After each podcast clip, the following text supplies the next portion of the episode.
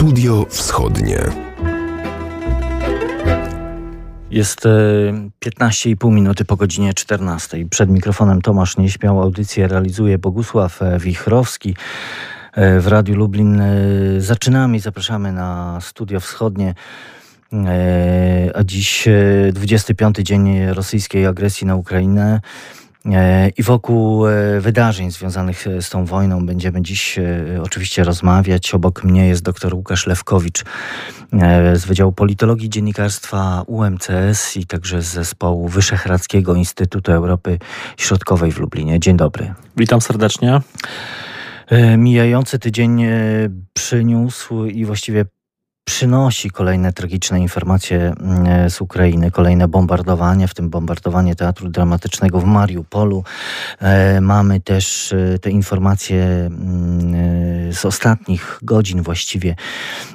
56 mm, osób zginęło wskutek ostrzelania czołgu, dom, z czołgu domu opieki senioralnej w Kreminnej w obwodzie ługańskim. Mamy oczywiście inne ataki na obiekty cywilne. Te wszystkie wydarzenia z tych ostatnich dni nie pozostały bez reakcji prezydenta mm, Stanów Zjednoczonych, Joe Bidena, który nazwał e, Władimira Putina zbrodniarzem wojennym. Na początek e, może mm, poproszę pana doktora o taką krótką refleksję, bo oczywiście wszyscy zastanawiamy się nad tym, e, co przyniesie kolejny dzień, czy ta wojna ma szansę skończyć się szybko i czy będziemy świadkami kolejnych takich brutalnych ataków i kolejnych de facto tygodni bohaterskiej obrony Ukraińców?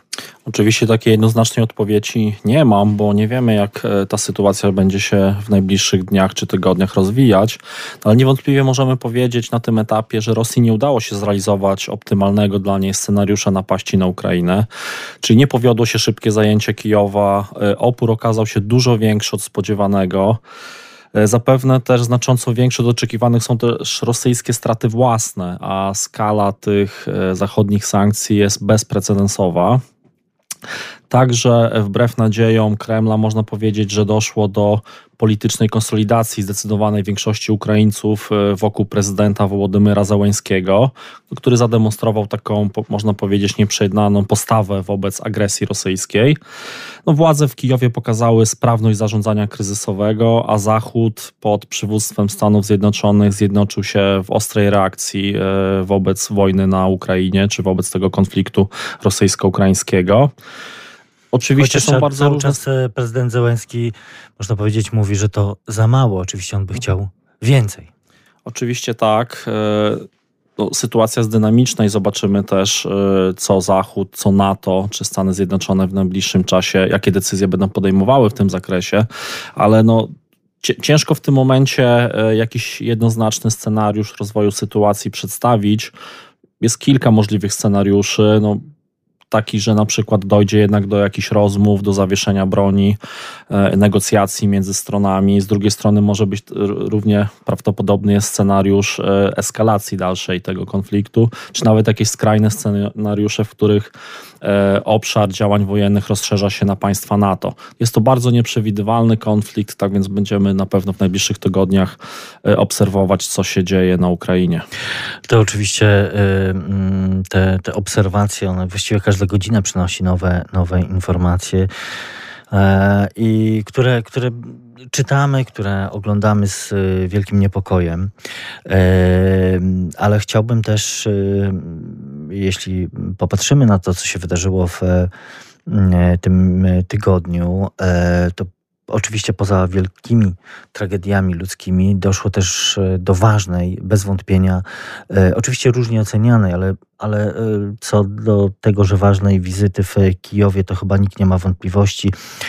Premierów Polski, Czech i Słowenii w Kijowie pojawili się, z Polski był także wicepremier Jarosław Kaczyński obok premiera Mateusza Morawieckiego. Jakie było znaczenie tej wizyty, a może jakie jeszcze jest znaczenie tej wizyty? No na pewno był to bardzo silny impuls polityczny, że państwa e, Europy Środkowej solidaryzują się z walczącą Ukrainą, czyli gest solidarności e, wobec strony ukraińskiej. No często też się nawiązuje w kontekście tej wizyty do wizyty prezydenta Lecha Kaczyńskiego w 2008 roku e, w Gruzji, również w trakcie agresji Rosji na ten kraj. Oczywiście tam też padły pewne konkretne propozycje do dalszej dyskusji w ramach Unii Europejskiej czy w ramach NATO, między innymi ta propozycja misji pokojowej NATO.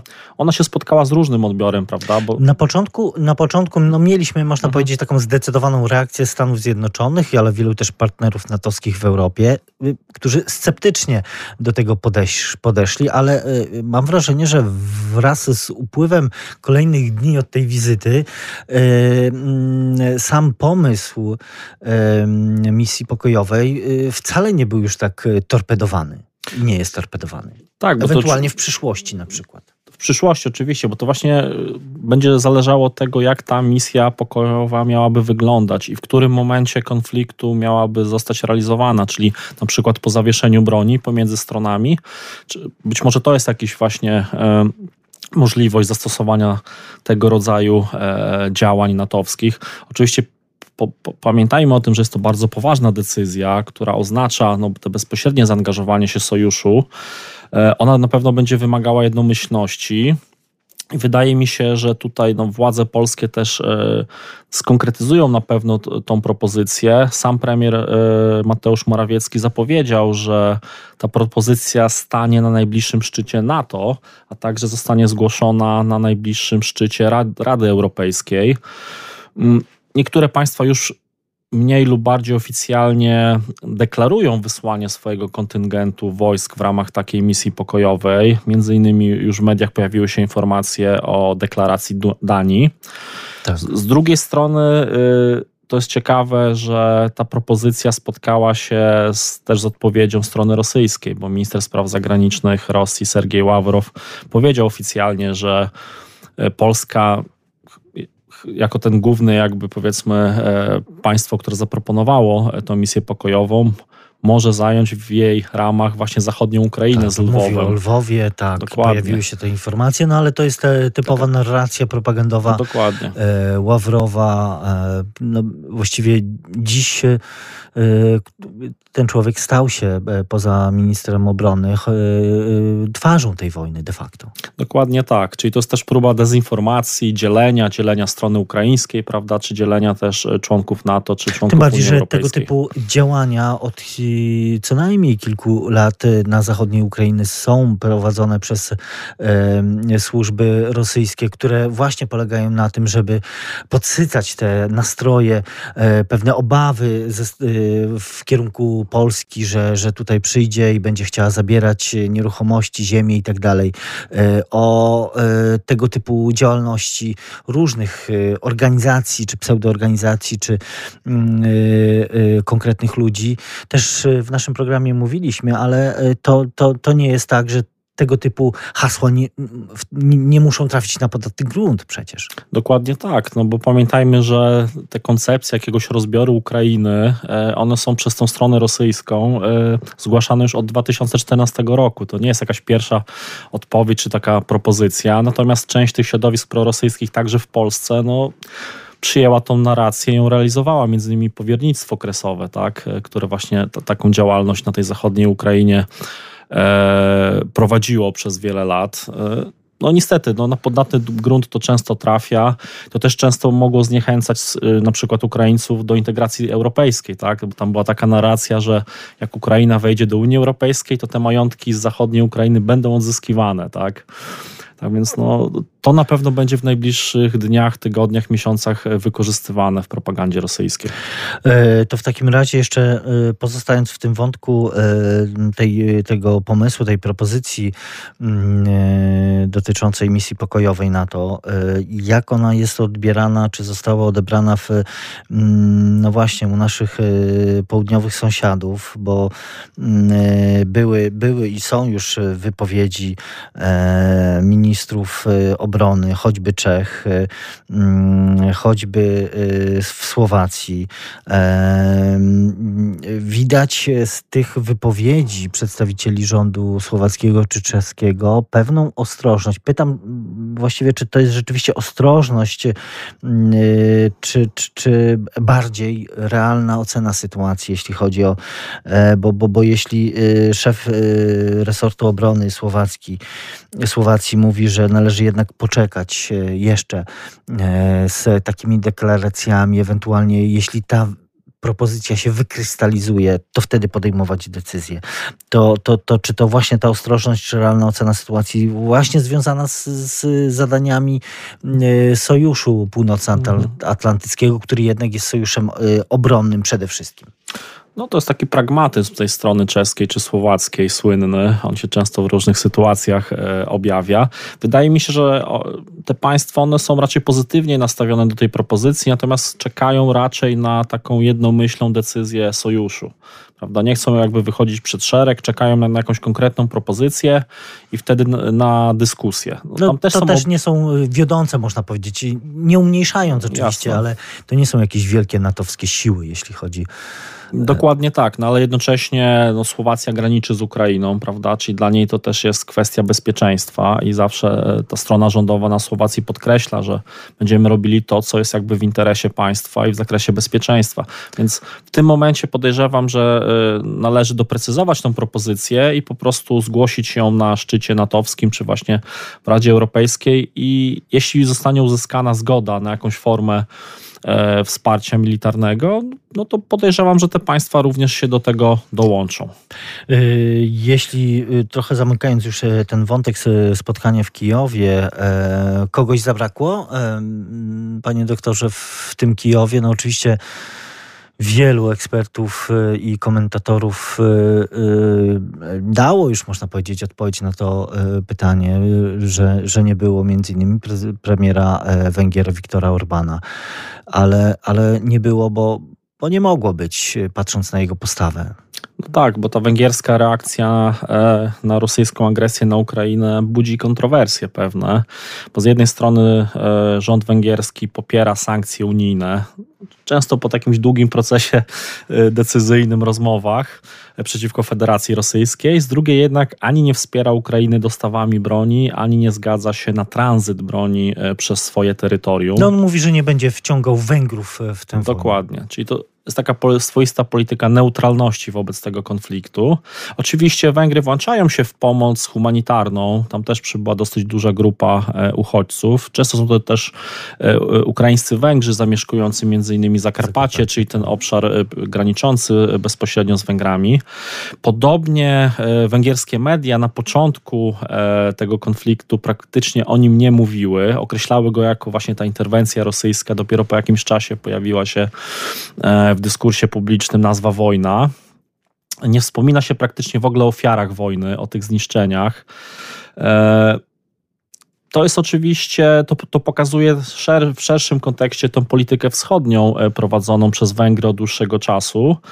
No pamiętajmy też, że jest to okres przedwyborczy, bo 3 kwietnia tak. będziemy mieli wybory parlamentarne e, na Węgrzech. Z jednej strony jest Viktor Orban i Fidesz, z drugiej strony jest zjednoczona e, opozycja. Tak więc te kwestie dotyczące sankcji, dotyczące cen energii, w sytuacji wprowadzenia na przykład sankcji energetycznych stała się po prostu elementem kampanii wyborczej i sami politycy węgierscy rządzący obecnie mówią o tym, że nie chcą na przykład wprowadzania sankcji energetycznych, bo to by dotknęło po prostu zwykłego e, węgla, tak żeby były podwyżki no, gazu, Orban znany ropy. jest ze swojego pragmatyzmu, e, nie od dzisiaj e, Dokładnie. zresztą.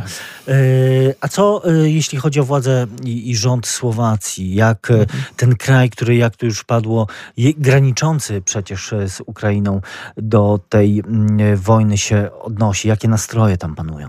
To taka ciekawostka, jeszcze dodam do tego poprzedniego wątku, że również premier premier e, Słowacji, Edward Heger, również nie pojawił się na tym wyjeździe w Kijowie, e, tylko trochę z innych powodów. Znaczy, Orban to oczywiście ta jego pragmatyczna polityka wobec Rosji, natomiast Edward Heger powiedział, że mu to te służby e, odpowiednie odradziły ze względów bezpieczeństwa. Też w jednym z wywiadów mówił, że żona mu zabroniła tam pojechać. Natomiast on został skrytykowany przez media słowackie i część sceny politycznej. Później się z tego tłumaczył i stwierdził, że gdyby teraz ta ten wyjazd byłby organizowany, to jednak by tam pojechał, żeby pokazać solidarność e, z Ukrainą i z tymi pozostałymi e, państwami. Natomiast nie pojechał. Tam... Ale to jak rozumiem świadczy też, e, też o, wiele mówi o postawie Dokładnie. rządu słowackiego wobec tych wydarzeń na Ukrainie. Tak, chociaż z drugiej strony od razu muszę podkreślić, że od początku ataku Rosji na Ukrainę postawa i rządu i pani prezydent Zuzany Czaputowej była dosyć jednoznaczna. Znaczy od razu E, i rząd, i, i premier Heger wspomniany potępili Rosję. Rosję e, jakby określili jako agresora, Słowację, e, Ukrainę, przepraszam, jako ofiarę działań rosyjskich. Od razu również bardzo szybko rząd podjął decyzję o dostawie w kilku transzach broni na Ukrainę. Oczywiście też pomoc humanitarna E, cały czas jest jakby realizowana. No pamiętajmy, że Słowacja ma e, granicę bezpośrednią z Ukrainą. Ona nie jest duża, to jest tam około 90 kilometrów, ale jednak e, część Ukraińców tamtędy również próbuje się wydostać z Ukrainy. Słowa, słowackie władze czy, czy pani prezydent również wsparli te prointegracyjne działania e, prezydenta Ukrainy, tak, żeby Ukrainę jak najszybciej e, zintegrować z Unią Europejską. Więc tutaj nie było żadnych wątpliwości. Rząd był dosyć jednoznaczny, jeśli chodzi o, o podejście do konfliktu. E, czy z kolei opozycja równie mm, wspiera to, co się dzieje na Ukrainie, czy znaczy wspiera, wspiera rząd w takim podejściu? No tu jest właśnie większy problem, czy szerszy problem, bo część opozycji oczywiście tak, są niektóre partie, które, które jak najbardziej solidaryzują się. No, ale też rozmawialiśmy nieraz w naszym programie o, o tej e, słowackiej scenie politycznej, która, e, e, no, na której znajdują się jednak te ugrupowania sprzyjające, sympatyzujące z Rosją. Tak, i to jest zarówno po stronie lewicowej, jak i prawicowej. Tutaj nie ma takiego rozróżnienia prostego. No oczywiście oczywiście jest ta była partia rządząca Smer, Roberta Fico, która chyba z takich względów też wyborczych w dużym stopniu e, zdecydowała się, że ta narracja dotycząca neutralności Słowacji wobec konfliktu e, jej się po prostu opłaca. Czy się opłaca do końca? Trudno powiedzieć, bo te ostatnie sondaże pokazują, że ona nie jest już liderem e, sondaży, jest tam na trzecim, czwartym miejscu, ale jednak dla części społeczeństwa, które jest często takie właśnie prorosyjskie, rusofilskie. E, to jest ciekawa e, narracja. Natomiast są też środowiska skrajnie prawicowe. To jest Ludowa Partia Nasza Słowacja, LSNS e, Mariana Kotleby ale także taka partia, która wyłoniła się jakby z LSNS-u, doszło tam do rozłamu jakiś czas temu, Republika, również skrajnie prawicowa. I te obie partie e, od początku, nawet przed konfliktem, one zawsze e, głosiły takie prorosyjskie, antyukraińskie hasła, również chciały, czy chcą dalej neutralności e, Słowacji w tym konflikcie. Nie chcą, broń Boże, żeby przekazywać na przykład broń, bo jak same mówią, oznaczałoby to na przykład wciągnięcie e, Słowacji w wojnę nuklearną, gdzie, gdzie Słowacja mogłaby się stać celem ataku rosyjskiego. No ale też pewne sytuacje dotyczące ostatnich zatrzymań szpiegów rosyjskich na Słowacji pokazują, że to nie musi być tylko jakiś pragmatyzm, to nie musi być e, jakaś kalkulacja wyborcza tych partii, ale również po prostu bezpośrednie działania rosyjskie i opłacanie niektórych polityków słowackich. I o tym e, także dziś będziemy rozmawiać z naszym gościem. Ja tylko przypomnę, jest nim dziś dr Łukasz Lewkowicz z Wydziału Politologii Dziennikarstwa UMCS i Zespołu Wyszehradzkiego Instytutu Europy Środkowej w Lublinie. I do naszej rozmowy w Studiu Wschodnim wracamy za kilka chwil. Studio Wschodnie. Studiu wschodnim wracamy do rozmowy z doktorem Łukaszem Lewkowiczem, politologiem z UMCS i Instytutu Europy Środkowej w Lublinie. Rozmawiamy o, o wojnie na Ukrainie w kontekście z takiej może perspektywy słowackiej mm, i chciałbym, żebyśmy teraz mm, porozmawiali o tym, co już pan doktor przed przerwą zasygnalizował. 14 mm, marca służby specjalne Słowacji ujawniły informacje o zatrzymaniu grupy osób podejrzewanych o działalność szpiegowską, e, działalność na rzecz rosyjskiego wywiadu wojskowego. Mm, e, można powiedzieć, takim e, bezpośrednim, szybkim efektem tej afery było wydalenie trzech rosyjskich dyplomatów.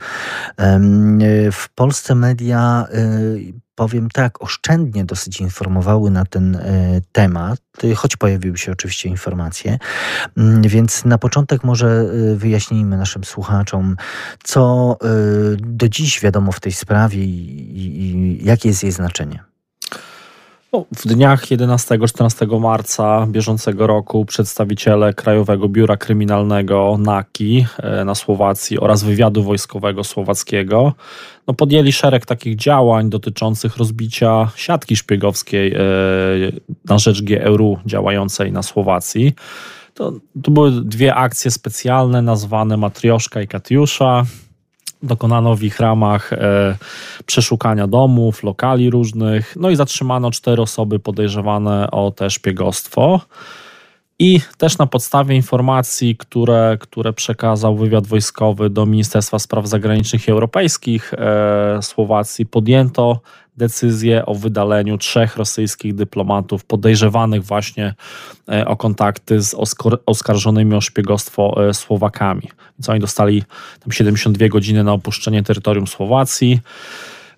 I na konferencji prasowej 15 marca, na której właśnie przedstawiciele władz słowackich jakby mówili o tym zatrzymaniu, no podkreślili, że sprawa jest rozwojowa i nie można wykluczyć kolejnych działań i kolejnych zatrzymań.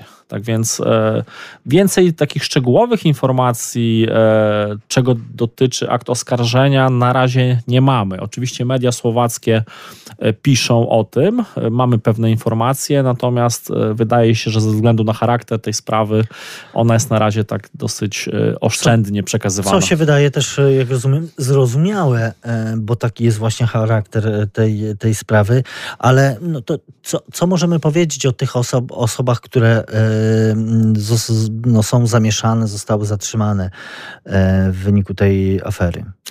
To jest bardzo ciekawa sytuacja, bo to akurat media opisały tak, dosyć tak. E, szczegółowo. Jest, jest, e, no, nazwijmy to, jest dziennikarz, jest Dokładnie. były wojskowy, są oczywiście politycy, można powiedzieć, w, w kręgu. Tak, no, jest na przykład przedstawiciel takiego prorosyjskiego portalu internetowego Chlawne Sprawy, E, Bochusz G, e, który został między innymi nagrany e, z przedstawicielem ataszatu wojskowego ambasady rosyjskiej w Bratysławie na takiej próbie werbunku, to tam jeszcze pewnie to, będziemy o tym tak, wspominać. Tak. No, Chlawne Sprawy to jest taki istniejący od wielu lat bardzo popularny portal internetowy, który szerzył różnego rodzaju dezinformacje, jakieś spiskowe teorie dziejów, on został w ostatnich e, tygodniach zamknięty. Już po ataku e, Rosji na Ukrainę podjęto zmiany prawne e, na Słowacji, które umożliwiały zamykanie tego rodzaju portali i akurat chlawne sprawy były pierwszym tego rodzaju portalem zamkniętym. Natomiast on był bardzo popularny wcześniej. A, a te alternatywne tak zwane media, one są dosyć na Słowacji popularne wciąż. Tam istnieje około 150 tego rodzaju mediów czy, czy różnych e, kont internetowych w mediach społecznościowych.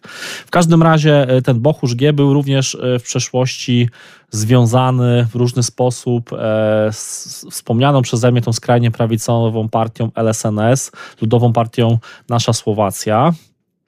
Kolejny z podejrzanych E, Józef M. E, w przyszłości był asystentem jednego z posłów Rady Narodowej, czyli Parlamentu Słowackiego. No, tutaj chodzi też, to są wymieniany w mediach prawdopodobnie kogo chodzi, o e, posła Mirosława Suju, obecnie z partii Republika, w przeszłości również z partii LSNS. So, symptomatyczne, prawda? Natomiast on został na tym etapie śledztwa zwolniony. Trzecią ciekawą postacią zatrzymaną e, e, przez służby słowackie jest Paweł B., który jest profesorem, byłym wojskowym i kierownikiem Katedry Bezpieczeństwa i Obrony na Akademii Sił Zbrojnych w Liptowskim Mikulaszu, czyli tej najważniejszej uczelni szkolącej elity wojskowe czy żołnierzy na Słowacji. I to jest ciekawa sytuacja, bo on był tym kontaktem e, wywiadowczym dla GRU, czyli dla tych wojskowych e, służb rosyjskich od 2013 roku, czyli bardzo długo, prawda? I miał przekazywać według tych e, doniesień medialnych informacje o znaczeniu strategicznym dotyczące NATO, sił zbrojnych słowackich, polityki słowackiej, polityki bezpieczeństwa. I ostatni z podejrzanych, Bohusz M., był do końca zeszłego roku pracownikiem Słowackiej Służby Informacyjnej, czyli tej najważniejszej służby specjalnej e, na Słowacji, takiego można powiedzieć odpowiednika ABW e, w Polsce. On też miał próbować pozyskiwać jakieś wrażliwe informacje dotyczące działalności e, Słowackiej Służby Informacyjnej, natomiast on również został zwolniony. E, ale Bochusz G i właśnie Paweł B są zatrzymani im grozi nawet do 13 lat e, więzienia. Więc sprawa jest rozwojowa, tak jak wspomniałem. Być może będą jeszcze jakieś kolejne osoby zatrzymywane. E, wspomniał Pan o mm, tym nagraniu, które też pojawiło się w, mediach. Nagraniu, które ujawnił dziennik N wideo i, i zapis rozmowy, mm, który, które dokumentuje ten moment y, werbunku, jak rozumiem, mm, y, szpiega przez y, właśnie pracownika rosyjskiej ambasady w Bratysławie. Mamy te informacje, to już padło, że służby mm, słowackie potwierdziły autentyczność tego nagrania. Co ono zawiera? Co, co mhm. możemy o nim powiedzieć? E, to jest nagranie prawdopodobnie z lata 2021 roku, czyli z zeszłego roku jeszcze. Widzimy tam dwie osoby. Jest to właśnie ten wspomniany przeze mnie Bochusz G, e, związany z chlawnymi sprawami e, oraz reprezentant ataszatu wojskowego ambasady rosyjskiej Siergiej Sołomosow. I tam jest jakby, no z tego przynajmniej co, co opisują media słowackie, no nagrana wprost, nagranie z werbunku tego Bochusza G.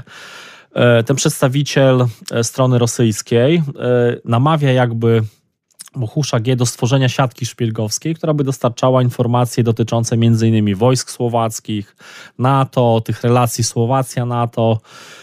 Tam są, padają również słowa dotyczące, żeby znaleźć jakieś osoby do współpracy z otoczenia ministra obrony Słowacji Jarosława Nadia człowieka bardzo proamerykańskiego, pronatowskiego, natomiast padają takie słowa, że, że żeby tutaj spróbować jakieś bardziej wpływowe osoby pozyskać do współpracy. Tam są nawet przekazane pieniądze, e, dwa razy po 500 euro w gotówce dla, dla tego Bohusza G. No, wspomina się również o pewnych działaniach dezinformacyjnych, domyślę to, co chlawne sprawy powinny e, robić. Pada nawet takie ciekawe zdanie wygłoszone przez e, Siergieja Sołomosowa, tu cytuję, powiedziałem w Moskwie, że jesteś takim dobrym chłopcem, że masz dużo przyjaciół, taką słowacką mafię, a Moskwa zdecydowała, że będziesz myśliwym.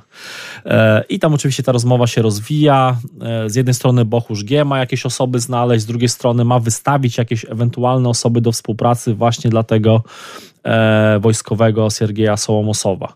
Więc to zostało nagrane, upublicznione przez media i pokazuje wprost, jak te relacje wyglądały. Y, to zresztą kolejna, można powiedzieć, y, y, sprawa czy, czy afera związana z działalnością rosyjskich służb e, specjalnych Słowa na Słowacji. Też mieliśmy okazję rozmawiać o tym, kiedy, kiedy wydaleni zostali też pracownicy ambasady rosyjskiej w ubiegłym roku, co było reakcją na informacje z kolei czeskich polityków dotyczących wybuchu w składzie amunicji w 2014 e, roku, e, za którym mieli stać agenci e, rosyjskich służb specjalnych. Mm, I kiedy, no właśnie, wypływa na jaw kolejna tego typu afera, afera z udziałem i, i, i z pokazująca wpływy rosyjskich służb specjalnych na Słowacji, no to chyba podstawowym pytaniem mm, jest to, z czego te wpływy rosyjskich służb specjalnych na Słowacji wynikają, dlaczego są aż tak silne. Czy to jednak kwestia pewnego gruntu, czy pewnego, czy społecznego, czy politycznego, o którym już, już też pan mówił? No niewątpliwie Słowacja jest istotnym państwem dla tych działań wywiadowczych Federacji Rosyjskiej i to jest związane z kilkoma czynnikami. Znaczy to jest dogodne położenie geopolityczne tego państwa, bo to jest państwo na wschodniej flance NATO. E, na wschodniej flance też możemy powiedzieć Unii Europejskiej, państwo graniczące z Ukrainą. E, to jest też państwo, które ma mówiąc ogólnie, brak negatywnych doświadczeń historycznych z Rosją, takich jak na przykład Polska, i to powoduje, że jednak część elit politycznych tego państwa czy społeczeństwa no, tam cieszy się dużą popularnością ta ideologia panslawizmu czy rusofilii. I to już od wielu lat różne badania opinii publicznej robione pokazują to de facto. Nawet badania dotyczące podejścia do konfliktu rosyjsko-ukraińskiego z początku tego roku powiedzmy ze stycznia tego roku robione e, na Słowacji pokazywały, że większość społeczeństwa słowackiego uważało, że to Stany Zjednoczone i NATO odpowiadają za ten konflikt. Tam ponad 40%. Dopiero na drugim miejscu była Federacja Rosyjska. To się zmieniło oczywiście po ataku e, Rosji na Ukrainę i teraz już można powiedzieć, że jednak większość społeczeństwa uważa, że to Rosja jest agresorem, ale w różnych właśnie pytaniach, czy w różnych badaniach te 20, 20 kilka procent Słowaków wciąż uważa, że Rosja się broni, e, że to Rosja została zaatakowana i tak dalej. Czyli jest potencjał do działalności. Jest bardzo służb. duży potencjał. No pamiętajmy też o takich uwarunkowaniach ekonomicznych. No Słowacja no wciąż jest, uzależniona. uzależniona energetycznie. Oczywiście są pewne e, próby spóźnione, ale jednak podejmowane, żeby się uniezależnić, ale wciąż ropa, gaz płynie przede wszystkim z kierunku wschodniego.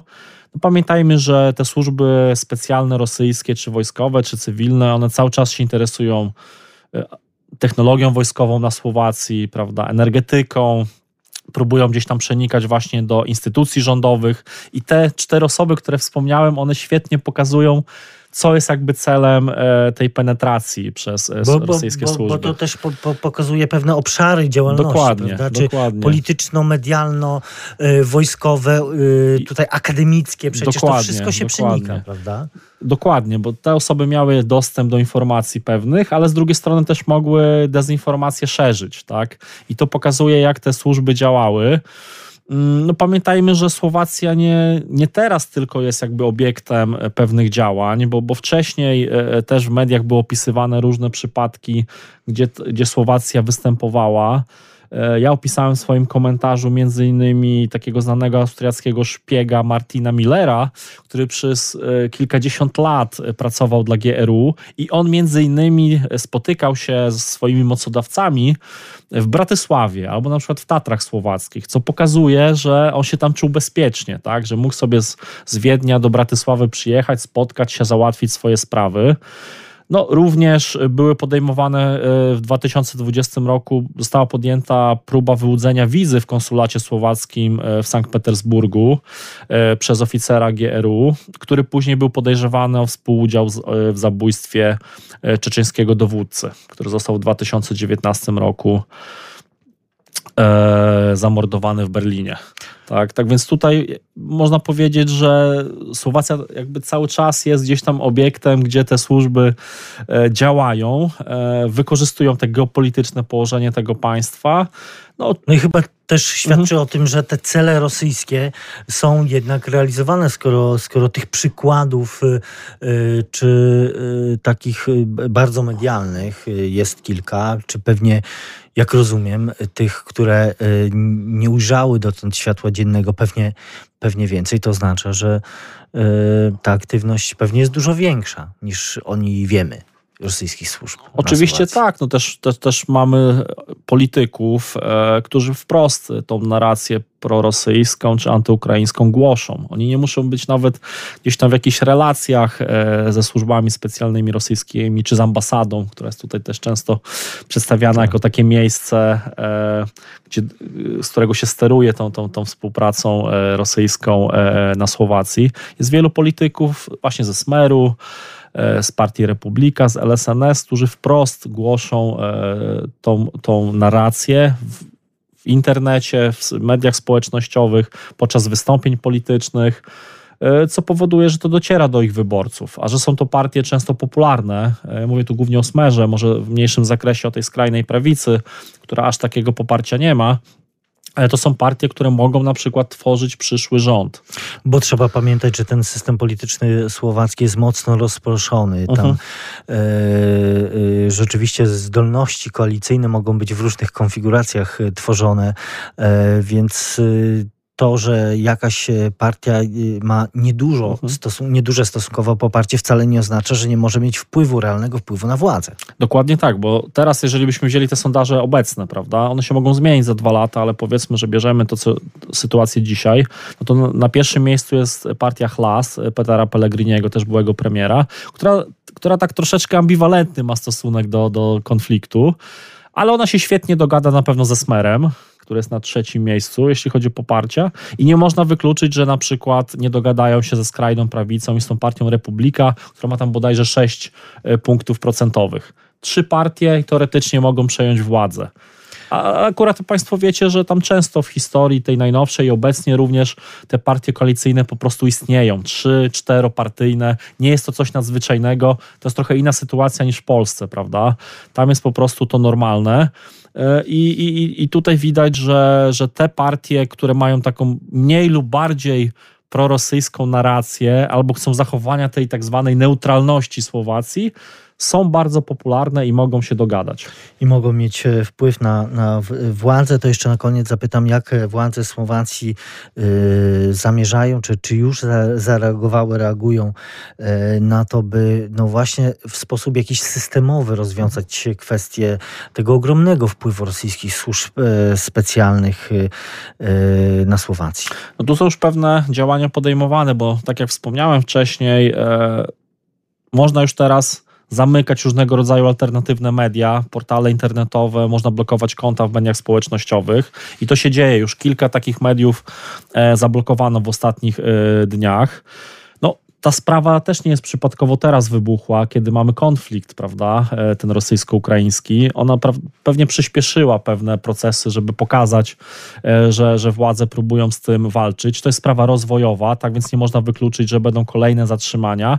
No, pojawił się również taki postulat jednej z partii koalicji rządowej, SAS, żeby zdelegalizować te e, dwie partie oskarżane o branie pieniędzy z ambasady rosyjskiej, czyli wspomniana Republika i LSNS trudno powiedzieć, czy się uda e, e, coś takiego zrealizować, bo to trzeba było pewnie udowodnić, to musiałby sąd taką decyzję podjąć, ale pewne pomysły się e, pojawiają, żeby delegalizować, żeby zamykać. Zobaczymy, czy, czy wystarczy rządowi słowackiemu determinacji, żeby, żeby to spróbować jednak w pewnym sensie zwalczać. Będziemy oczywiście e, to obserwować i w razie potrzeby wracać do e, tego tematu, a za porcję dzisiejszej, e, dzisiejszej analizy i komentarza bardzo dziękuję. Naszym gościem był dr Łukasz Lewkowicz, politolog z Uniwersytetu Marii Curie-Skłodowskiej w Lublinie i Instytutu Europy Środkowej w Lublinie. Bardzo dziękuję. Dziękuję ślicznie. I to wszystko w naszym programie na dzisiaj. Za uwagę dziękuję Tomasz Nieśpiał i Bogusław Wichrowski. Studio Wschodnie wraca na antenę Radio Lublin za tydzień. Do usłyszenia w następną niedzielę po godzinie 14. Studio Wschodnie.